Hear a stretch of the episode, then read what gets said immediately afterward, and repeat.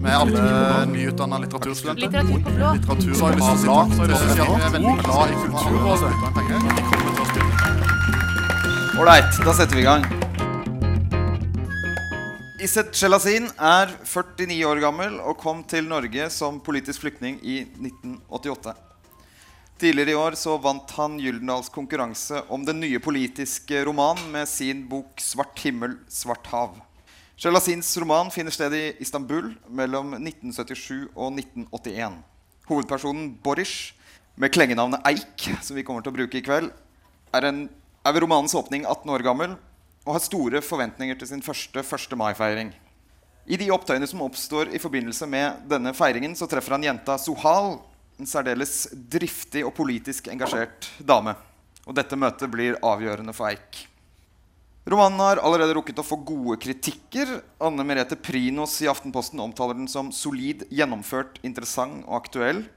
Marta Norheim i NRK sa at språket går utenpå de fleste norske debutanter i sin beskrivelse av romanen. Velkommen og gratulerer. Takk skal du ha. Gi han en applaus. da.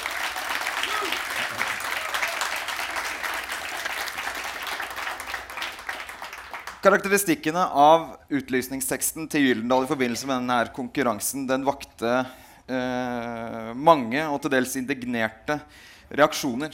Men det er ikke mye stoppeklokkeomsorg, IP-telefoni, sluttpakker, kebabnorsk og ungkarsfestivaler i din roman. Er du glad for å ha lettet et bekymret Kultur-Norge med å ha mm, trosset utlysningsteksten på den måten du har gjort? Ja, det kan jeg si. Romanen skildrer en politisk oppvåkning. For du har skrevet en politisk dannelsesroman. du rett og slett. Det stemmer. Og det er et særdeles urolig Tyrkia eh, som er bakteppet for romanen. Kan du i korte trekk forklare hvilke mekanismer det er som var i spill på den tida hvor din roman utspiller seg? Det var uh, en tid eh, hvor uh, det har oppstått en stor revolusjonær bølge i Tyrkia som ble påvirket bevegelser og andre revolusjonære eh, bevegelser og bølger i resten av verden. Og uh, i den forstand uh, så min generasjon, som jeg definerer som 78-ere Ikke bare meg, men øh, det er et begrep faktisk i Tyrkia, og 78-ere har sin egen forening. 78-ere øh, med stor entusiasme har kastet seg ut i den revolusjonære bølgen. Akkurat. Og du var selv en del av denne revolusjonære bølgen. Det Stemmer stemmer. ikke ja. det? Ja, det stemmer. Jeg har tatt uh, aktiv del i revolusjonære uh, revolusjonær arbeid. Ja. Ehm, du sier at din roman er en slags hyllest til disse 78-erne. På hvilken måte er den det? Altså, jeg har uh, alltid ønsket å, å fortelle deres historie. Altså, dette er min generasjons historie. Det er ikke min historie. Altså, jeg har fått det spørsmålet tidligere, og jeg har svart på den måten at uh, det er ikke min historie, men det er min generasjons historie. Sånn sett er det en hyllest til 78-ere. 78-ere var en uh, spesialgenerasjon i et land som Tyrkia, som er og har vært et uh, svært konservativt land. Og den generasjonen uh, har vist seg å være veldig annerledes og uh, veldig entusiastisk og troende. Og de trodde at uh, en revolusjon var nærstående. Og så uh, måtte de lide mye under de forholdene som kom etter hvert, uh, særlig under det militærstyret og militærkuppet som kom i 1980. Og dette er, noen av disse lidelsene beskriver du selv i din bok. Det er jo først og fremst eh, disse to personene, Eik og Sohal, som denne romanen eh, kretser omkring. Og de har jo De er jo ganske forskjellige som typer, de her. De skal være det, ja. De skal være det.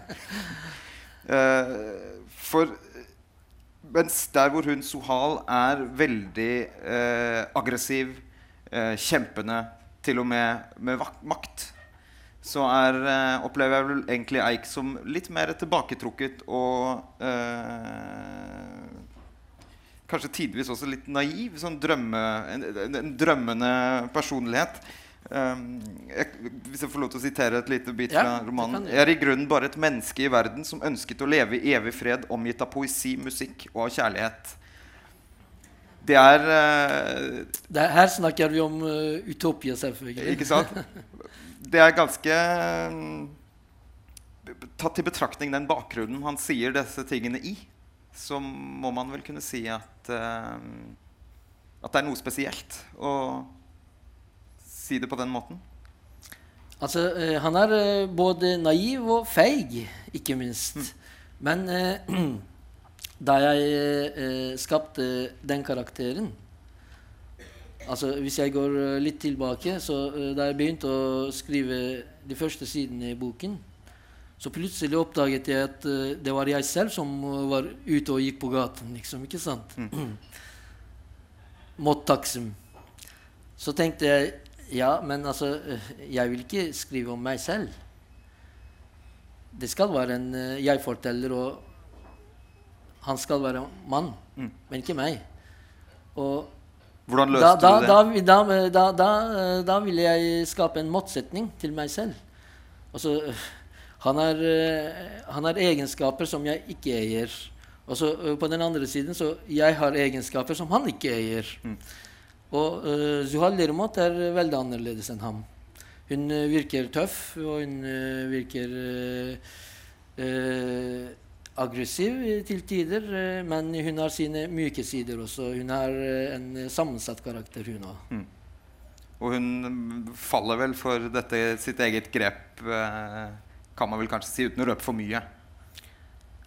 Ja, det vil jeg ikke si veldig mye om, egentlig. For det det, er nettopp uh, den problematikken jeg prøver å diskutere i romanen. liksom, Mm. ikke sant? Uh, blant annet uh, Kamp med fredelige midler versus væpnet kamp. For det er en veldig tydelig motsetning i, i denne boka. Og da er det vel Eik som da representerer den ene ytterligheten, og så er det Sohal som Eik representerer uh, i den forstand uh, uh, kamp med fredelige midler. Mm. Og Zuhal da representerer uh, veldig, veldig klart og tydelig uh, væpnet kamp. Du sier at Eik er feig. og, og han sier om seg selv at han er avhengig av å ha omsorgsfulle mennesker omkring seg. Eh, er det et utslag av den feigheten? At han, at han er eh, avhengig av å ha folk Ja, omkring han seg? eh, trenger kanskje litt uh, trøst Mm. når han uh, føler seg feig. Ofte av kvinner? Er det ikke Ja, slik? nettopp. For, altså, uh, du var inne i stad Dette romanen er en hyllest. Men på mange måter egentlig ikke bare en hyllest til eh, 78-ere. Men også en hyllest til kvinner generelt, og til min mor spesielt. Ja. Derfor så er det mange kvinner og få menn i boka, faktisk. Ja. um, jeg har litt lyst til å snakke litt mer om han, om han Eik. Fordi han er jo ikke bare feig, men han er jo også en, en, eh, en tenker. Altså en, en eh, intellektuell, selv om kanskje ikke det Han tenker kanskje altfor mye, da. Ja, kanskje han tenker altfor mye. Hva vet vel jeg. Så Syns du han tenker altfor mye? Jeg syns det. Jeg Ja. syns at eh, han tenker altfor mye og gjør, gjør altfor lite. Ja, for han, han, han fremstår jo som, eh, som, som eh, en, en slags sånn tviler, da. Og, og, um, eller han uttrykker en sterk tvil omkring midlene som blir brukt til denne kampen som føres. Altså han konfronterer bl.a. Kemal, en, en annen biperson person i, i romanen, som, uh, som har mye med Kemal Somalia å er rett fra Sierra Maestra. En gang til? Rett fra Sierra Maestra. Ok. Hva mener Altså du med det? en slags Che Guevara-figur. Okay. Liksom, ikke sant? Ja. Men han blir da konfrontert av Eik med Tror du fortsatt at en liten gruppe væpnede personers gjerninger skal tenne revolusjonsilden hos folkemassene og vekke dem fra århundrers søvn? Eik tror ikke på det. Nei, han gjør ikke det. Men øh, øh, har han rett? Eller kanskje tar han feil? Ja. Fordi at øh, vi snakker om svært brutale tider. Der kampen mot eh, imperialismen, oligarkiet og fascismen eh, kunne føres med fredelige midler. Da måtte de ta den risken at eh, du kunne bli drept uten å kunne forsvare deg. Eller den kampen kunne føres med våpen. Da hadde du muligheten til å forsvare deg. Mm. Og så et sted sier f.eks. En av de karakterene Altså fredelige midler. Der eh, vi som blir drept hele tiden, og mordere har fred, hva gjør eh, det litt omvendt? Mm. Liksom, ikke sant? Ja. Så uh, altså Som forfatter uh, følger jeg en nøytral linje. Det skulle bare mangle.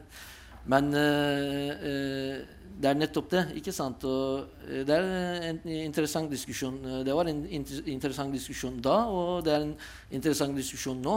Mm. Og det er ikke minst aktuelt, fordi at uh, i dag snakker vi bare om terrorisme. Hva har skjedd med motstandskampen? Mm. Liksom, ikke sant? Og hva skal vi gjøre med imperialister? Hva skal vi gjøre mot uh, okkupanter? Mm. Altså eh, Er vi feige eller modige hvis vi velger den ene veien eller den andre veien? Det er nettopp det jeg eh, diskuterer i boken også, at linjen mellom feighet og modighet er eh, ganske tynn. Du omtaler jo, eller hun eh, Sohal eh, blir jo omtalt i avisene som eh, Hundterrorist. hundterrorist. For da har avisene tatt, eh, tatt stilling til Fordi at hennes kamp er eh, Hun, hun, hun, hun vel, opplever jo at hun, hun kjemper en frigjøringskamp. Ja, men hun blir eh, diskriminert også. Ja. Altså, eh, fordi jeg ser nettopp Jeg ser der at Ja, men hvorfor hun terrorist? Fordi at det var fire menn også som ranet den banken. Mm. Hvorfor ble hun omtalt?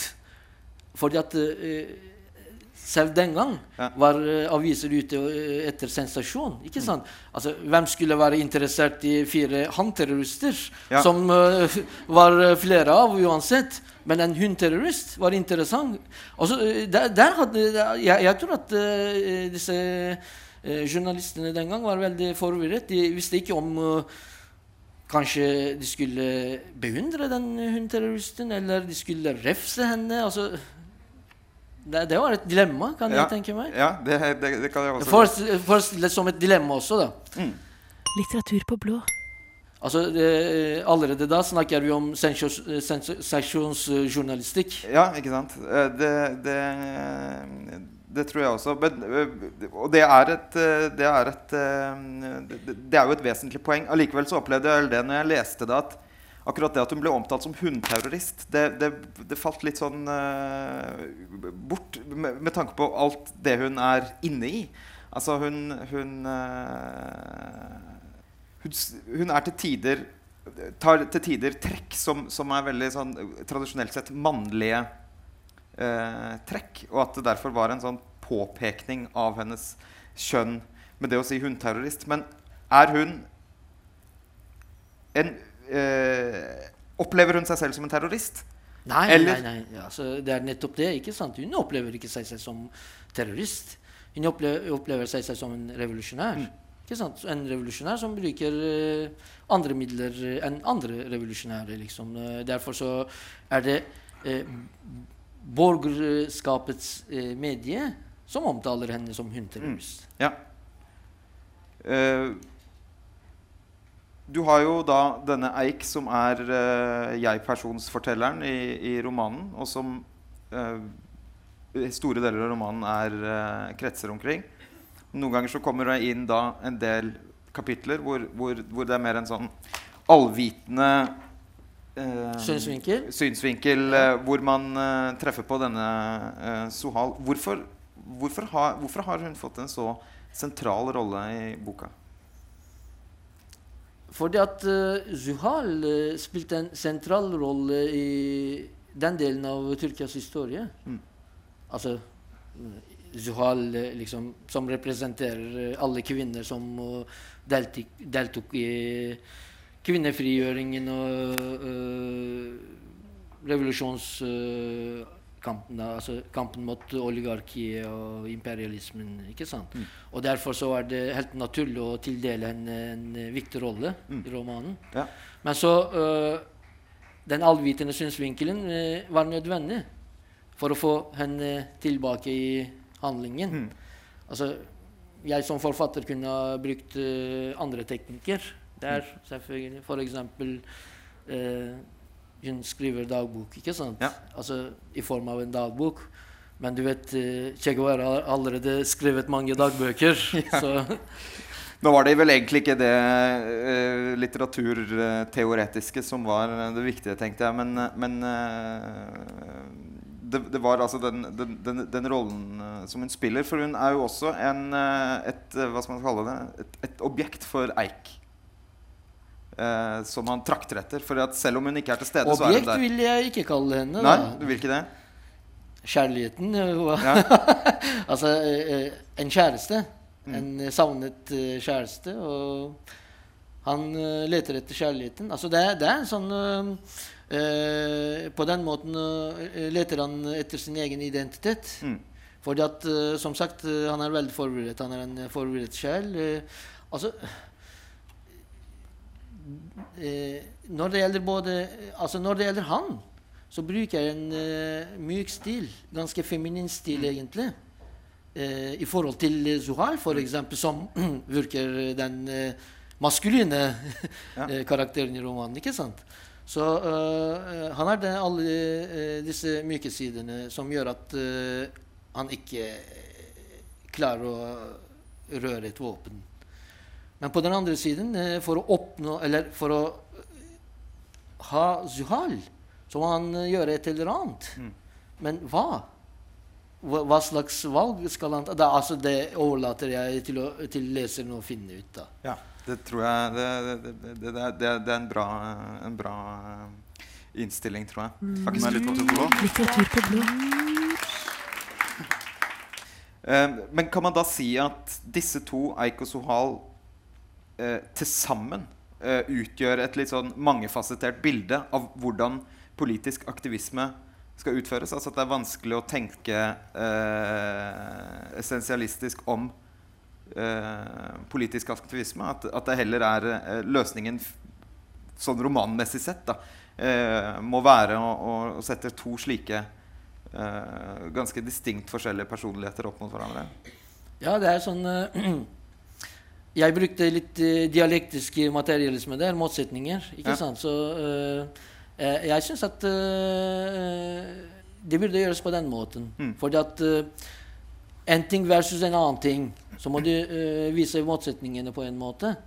Både på personlig plan og på politisk plan. Og jeg syns at disse to figurene, karakterene, gir mening til det jeg ønsker å diskutere i romanen. Da, sånn sett.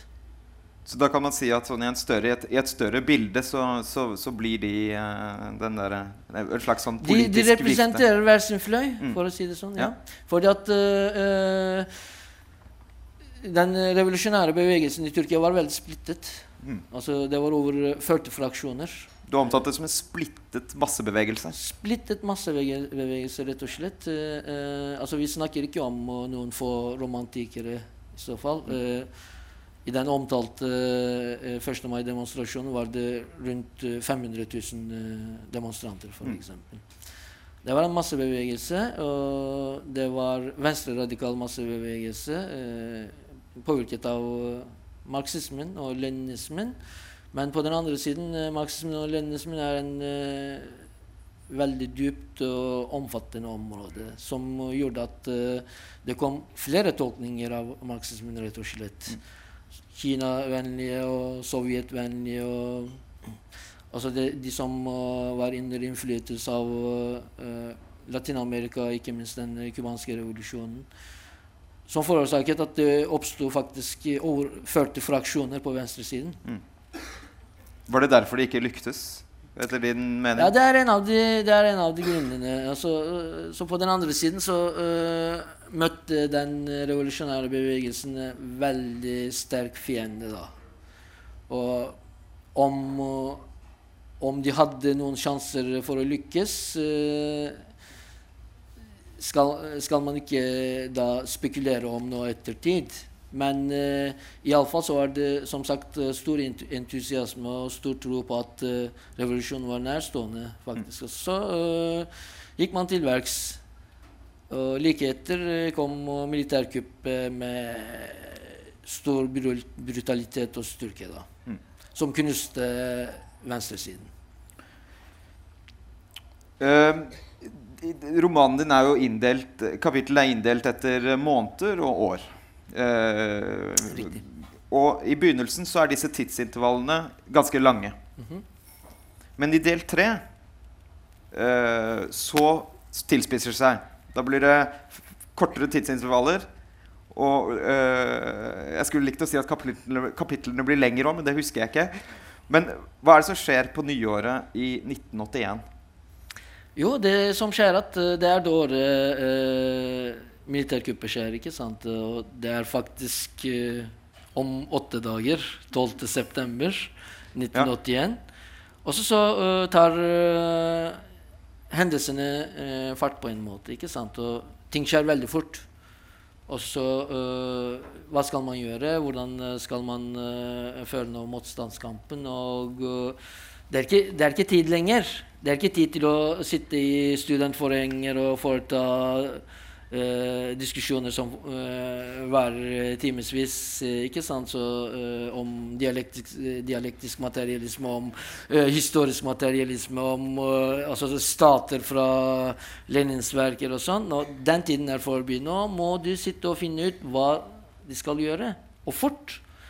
Og mange av kameratene deres er allerede fanget, og folk blir torturert. Og la meg si det sånn eh, Under militærstyret så var ca. 650 000 mennesker eh, satt i varetekt, eh, og ca. 200 000 eh, ble tiltalt og dømt. Og det er store tall. Så som sagt, eh, i den tiden eh, hvor ting gikk veldig fort, så måtte du gjøre ting fort, og så bestemme deg fort. Mm. Så derfor eh, handlingen også tar fart, liksom. Ja. ikke sant? Din roman slutter jo i 1981 eh, med dette. Det stemmer. Eh, men historien slutter vel ikke der, sånn eh, Nei. vi, skal, vi skal ikke ta hele den tyrkiske historien fra 1981 og frem til i dag, men kan du sånn, i, i, i, i hovedtrekk forsøke å skissere hvordan dette har utviklet seg fra da til nå. Altså om eh, du spør om forandringene, eventuelle forandringer i Tyrkias historie? Eller? Eh, nei, eksempel denne Er dette en, en, en, en tidsperiode med en bevegelse som døde hen i 1981, eller, eller, eller levde den, Den, eh, videre? den døde eh, ganske fort, hen, ja. Altså eh, fordi at eh, den kampen ble eh, tapt mot en veldig sterk fiende. Og så alle, var, eh, alle som var ute og kjempet, nå var inne og satt i fengsel. ikke sant? Så den eh, kampen døde hen. Og den eksisterer ikke lenger i dag i den forstand.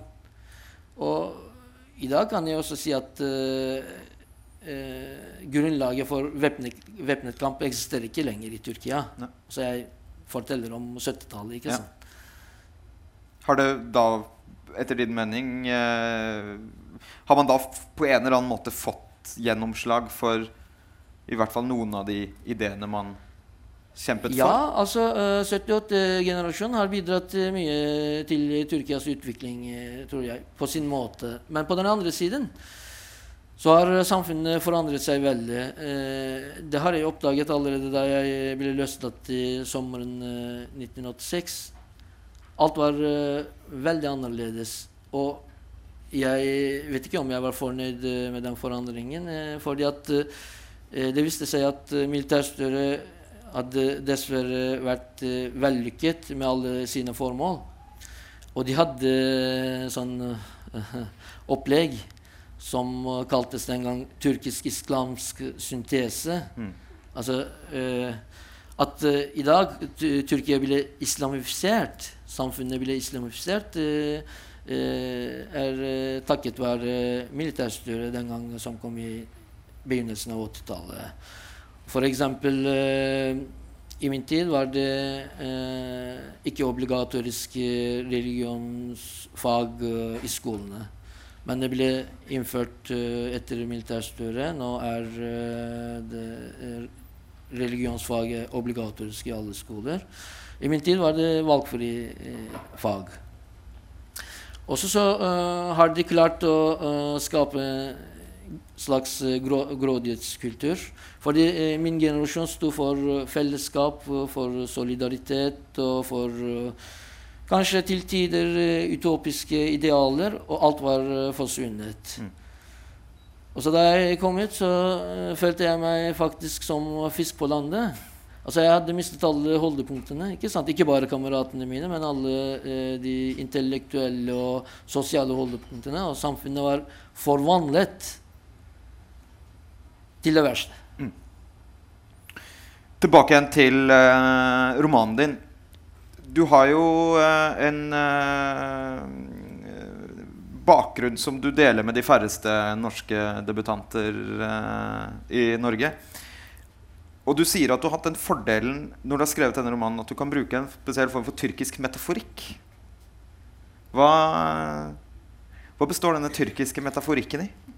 Eh, jeg bør kanskje moderere det utsagnet litt. Jeg foreslår at du forsterker det. Even eventuelle lesere eh, må ikke eh, tro at eh, de kommer til å bli angrepet av ukjente og eh, skumle tyrkiske metaforer. altså, eh, det er ikke akkurat sånn egentlig, da. Men, altså, la meg gi et eh, eksempel. Altså, det er en scene der eh, noen nydelige unge jenter eh, går ut på gata, og Eik eh, ser dem liksom de kommer eh, mot ham. Så der han treffer Eifer etter hvert. Så, eh, så uh, ser man da Altså, de gikk og uh, skravlet med uh, fuglestemmer. Fuglestemmer, ja vel. eh, Kråkestemmer, kanskje? Nei, vi snakker om nydelige, søte jenter.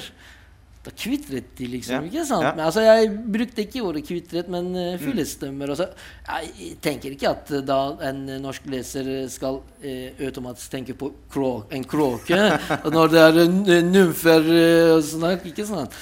Også så um, kanskje sammenligninger av eksempel eh, Det faller en replikk eh, Ja, hvorfor eh, eh, klager du som en gammel geit? Altså, sånne uh, replikker kan du finne i russisk litteratur, for eksempel, ikke sant? Men uh, ikke så veldig mye i norsk litteratur, kanskje. Ja. Men, så, men eh, det eh, mest interessante kanskje i boka er eh, billedbruken. Altså de scenene jeg skaper. For eksempel eh, så går eh, eh, på Vesetorget. Altså alle de luktene og sansene, altså eh, lydene altså Gud vet hvor mange desibel fra platebutikken og trafikkstøy og tutingen og hamringen fra koppermarkedet og sånn. Og så, så, så tenker han på Nazım Hikmet, den store eh, tyrkiske poeten, som gikk akkurat der i sin tid med eh, et dikt i hodet med det røde skjerfet sitt eh, eh, sveiende i vinden og sånt, ikke sant? Eh, og det er det jeg prøver å liksom skape og introdusere til eh, den norske leseren. Mon sa på NRK at uh, du også skriver deg inn i en tradisjon for tyrkiske røverhistorie. Altså, uh, det må jeg betrakte eh, som et kompliment. Det vil jeg tro det var. Ja, absolutt. at eh, her snakker man om Yashar Kemal. En storhet i turkisk litteratur, kanskje uten sidestykke. Det stemmer. altså, eh, da eh, Brendemoen henviser der til Yashar Kemals Mager Mehmet. Mm. Og det var en røverhistorie. Men Mager Mehmet eh, var en alminnelig bonde som eh, etter hvert blir eh, en motvillig morder. Så, så vendettaer, altså blodhevn og sånt. Og han blir en rømling på fjellene. Og etter hvert så utvikler han seg til å bli en slags eh, Robin Hood-figur. Ikke sant? Men han har eh, rett og slett eh, apolitisk. Han har ingen eh, politiske ambisjoner, og eh, han kun forsvare seg selv mot myndigheter med våpen i hånden, og hjelper kanskje her og der til de svake, de fattige. Og i den forstand der, eh, kan eh, romanen min betraktes som en røverhistorie også. Der, der er det eh, disse revolusjonære med våpen i hånden eh, som forsvarer eh, de svakes saker. Du nevnte Kemal som en, en tyrkisk forfatter uten sidestykke. Eh, et sidestykke kunne være Orhan Pamuk. Eh, du har sagt at hans Istanbul er et annet Istanbul enn det du selv kjenner. Riktig. Og det er eh, grunnet i noe helt sånn bestemt politisk, er det ikke det? Jo, altså Orhan Pamuk uh, har aldri påstått at uh, han er noe politisk forfatter. Uh, altså at det, det som gjør oss forskjellige, er både vår bakgrunn og verdensoppfatning samtidig også. Og det gir utslag i den måten vi beskriver f.eks. Istanbul. Altså, For du jeg, jeg, kjenner, jeg kjenner ikke Orhan Pamuk personlig, men uh, jeg har lest uh, hans bok 'Istanbul', og da uh, definerer han og beskriver sin barndom, som virker veldig trist. Også så, på den andre siden så betrakter Orhan Pamuk Istanbul også som trist og melankolsk og fattig. Jo, det stemmer. altså Istanbul var fattig den tida, i min tid også. Uh, men det er nettopp derfor så gjorde man opprør, ikke sant?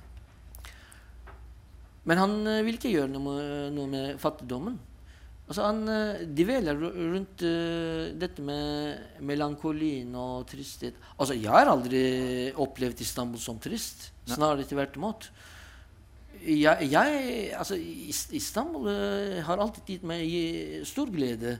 Og, uh, for eksempel eh, Istanbul forteller Orhan Pamuk om at han stort sett gikk ut på gata om natta.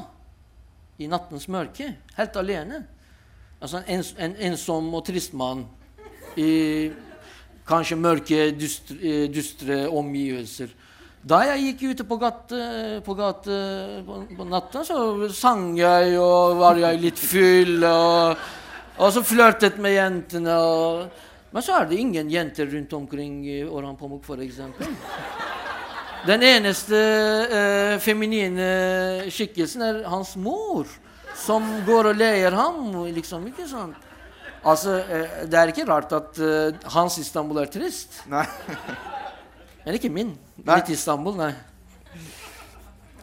Du nevnte en uh, poet som Eik tenker på uh, idet han går gjennom disse gatene i Istanbul. Nazım Hikmet, riktig. Jeg skal ikke begi meg inn på å uttale det navnet. Tyrkisk uttalen er veldig, veldig dårlig. Nei, det er ikke lett, nei. det vet jeg. Men du hadde veldig lyst til å øh, synge, en, øh, synge det diktet på tyrkisk. Et dikt som du har brukt som sånn øh, motto for din roman. Ja, eh, Hvis du altså snakker litt om det, så skal jeg finne boken. For den har jeg Ja, ok. okay. ikke. jeg kan veldig gjerne gjøre det. Det diktet fra den store tyrkiske poeten Nazım Hikmet foreligger i bok, bokens første side. Han har eh, skrevet diktet da han eh, satt eh, i fengsel. Nazm Hikmet var kommunist, og han satt i fengsel over 20 år. Det som er veldig interessant med diktet, er at han blir ført ut i gården, fengselsgården. Der sitter han ved veggen mot sola, og akkurat da er det ikke noe store ting i hodet hans. Verken kampen eller friheten eller kona. Det er kun uh, sola og marken og Nazim Hikmet. Men han er lykkelig. Det vil si at uh, i livet av og til er det små ting som gjør oss lykkelige. Og det er et veldig flott dikt som er veldig godt eh, oversatt eh, av Johanne Schwarz, avdøde Johanne Schwarz, uh, fra tyrkisk til norsk. og som Marius skal lese for dere. Det diktet på tyrkisk har sin egen indre melodi. Og så trenger nesten ikke en uh, komponist for å lage en melodi for det. Men uh, jeg er en sånn eh, hobbykomponist, og jeg har laget en liten melodi for det diktet. Som eh, Marius skal lese dere på norsk, og jeg skal synge på tyrkisk. Jeg takket ja litt sånn på sparket, så vi får se hvordan det går. Diktet heter 'Søndag'. I dag er søndag. I dag førte de meg ut i solen for første gang. Og for første gang i mitt liv sto jeg urørlig, forundret over at himmelen var så langt borte, var så vid, var så blå. Ærbødig satte jeg meg på marken, lente ryggen min mot muren. I dette øyeblikk ikke noe opprør i sinnet. I dette øyeblikk ikke en tanke. På kampen, friheten, min kone. Marken, solen og jeg. Jeg er lykkelig. Olduğuna şaşarak Kımıldamadan durdum Ve saygıyla toprağa oturdum Dayadım sırtımı duvara Bu anda ne düşmek dalgalara Bu anda ne hürriyet ne kavga ne karım Bu anda ne düşmek dalgalara Bu anda ne hürriyet ne kavga ne karım Bu anda? Toprak güneş ve ben Bahtiyarım bu anda. Toprak güneş ve ben Bahtiyarım